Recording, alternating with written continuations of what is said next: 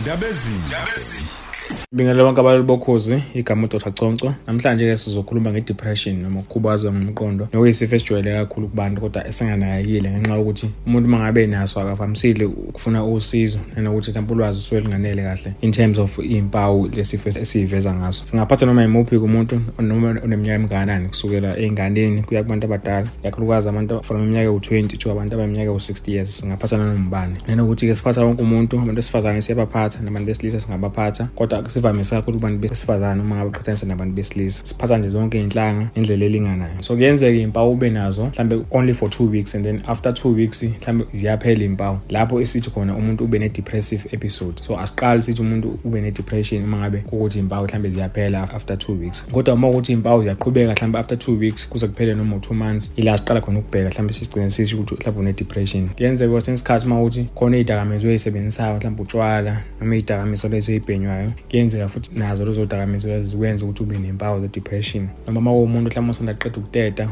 ungakapheli amaviki ayisithupha kuyenzeka futhi ube nempawu ze-depression. La sithi khona i-postpartum depression okusho ukuthi iy'mpawu zakho mhlawumbe zi-related to ukuthi mhlawumbe usanda kuteta nezinto ey'kanjalo. Uma ukuthi khona ama-conditions onawo noma ezinye izifo onazo emzimbeni uma ngabe uney'mpawu ey'hambisana naleyo condition kuyenzeka futhi ube ney'mpawu ze-depression ngenxa yokuthi unalezo zifo lezo. Iy'mpawu ey'balulekile umuntu akangaba nazo uma ngabe ne-depression okokuqala nje ukuba nomoya ophansi noma imood yakho ihlezi iphansi ngenxa yezinto ey'thile ngoba maningi ama-triggers noma ama-factors angakwenza ukuthi ube ne-depression. So into ebalulekile uma ngabe umoya wakho uphansi noma imood yakho iphatheke kabi into ebalulekile ukuthi akusiyona nje into ekuthi iyakuphatha namhlanje kusasa iyakuyeka. Kumele kube ukuthi umoya wakho uphansi zonke iy'nsuku noma ube phansi usuku lonke zonke iy'nsuku mhlawumbe from two weeks up to two months uney'mpawu ey'fanayo. Kuyenzeka futhi uluze i-interest. Uma ngabe sikhuluma nge-interest izinto okade uyithanda ngaphambilini hhayi ukuluze i-interest kwizinto obuvele ungayithandi ngaba ama-activities ngaba mhlawumbe izinto obuvamise ukuzenza ngaphambilini. Uma ukuthi mhlawumbe ngokuhamba kwesikhathi just suddenly lose i-interest kulezo zinto lezo obukade uyithanda kungenzeka futhi ukuthi nakho lokho kube uphawu lokuthi kungenzeka ukuthi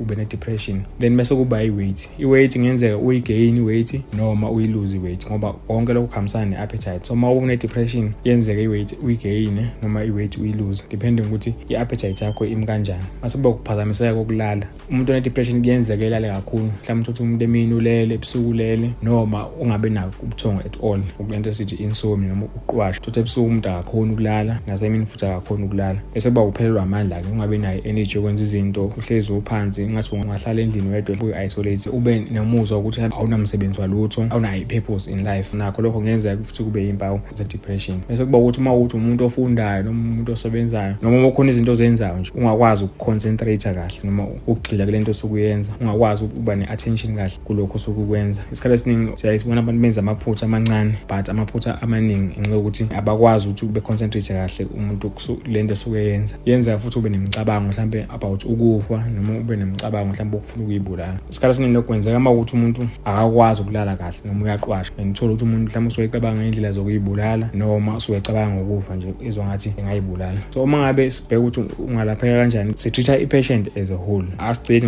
ngokulapha iy'mpawu kuphela ngoba umuntu lo osuke esikhuluma ngaye la kubalulekile ukuthi uma ngabe umuntu umlapha ulaphe zonke ama-aspect onke ama-aspect akhe ungagcini kuphela kulapheni iy'mpawu. Lento esiyibiza ngokuthi i-biopsychosocial approach okusho ukuthi sibuka kuzo zonke iy'nhlangothi siyabheka ukuthi umuntu engasizakala kanjani. In terms of iy'mpawu-ke kubalulekile ukuthi umuntu athole amaphilisi lawo siwabiza ngokuthi ama-antidepressants ngokuhlukana kwawo. Kuya ngokuthi umuntu unikezwe maphi ngoba ahlukene ngey'nhlobo zawo nanama-side effects ahlukene. So umuntu unikezwa lolo hlobo esibona ngathi izomphatha kangcono in terms of ukulapha iy'mpawu. Bese bakhona into ekuthiwa i-psychological therapy la khona suke kuzanye ukuthi uyoluleka ngomqondo noma ukulapha umqondo wakho. Kuyenzeka u-attend ama-sessions mhlawumbe kube khona ama-group therapies la khona nihlala khona nabantu nishare ama-experiences uma ukuthi uyakhona ukukhuluma ukubeka iy'nkinga zakho nokuthi ungasizakala kanjani. Noma kube nje i-session ebhekene nawe uwedwa like i-individual therapy. Base ukuthi labantu abaluleka ngomqondo bebheke ukuthi ungasizakala kanjani. Then i-social therapy ila suke sibheka khona ama-social factors like uma kukhona ama-stressors ama-triggers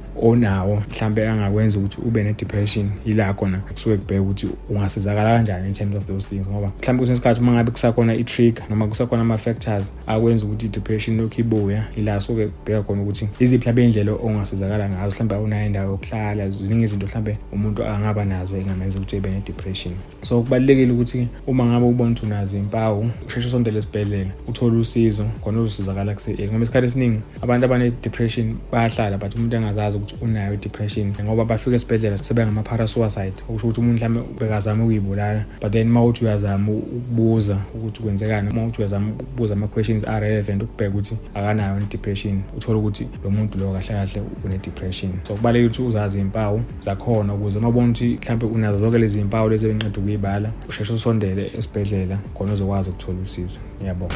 Ndabezini njalo ngesonto kusukela ngo-12 kuya ku-3 ekuseni.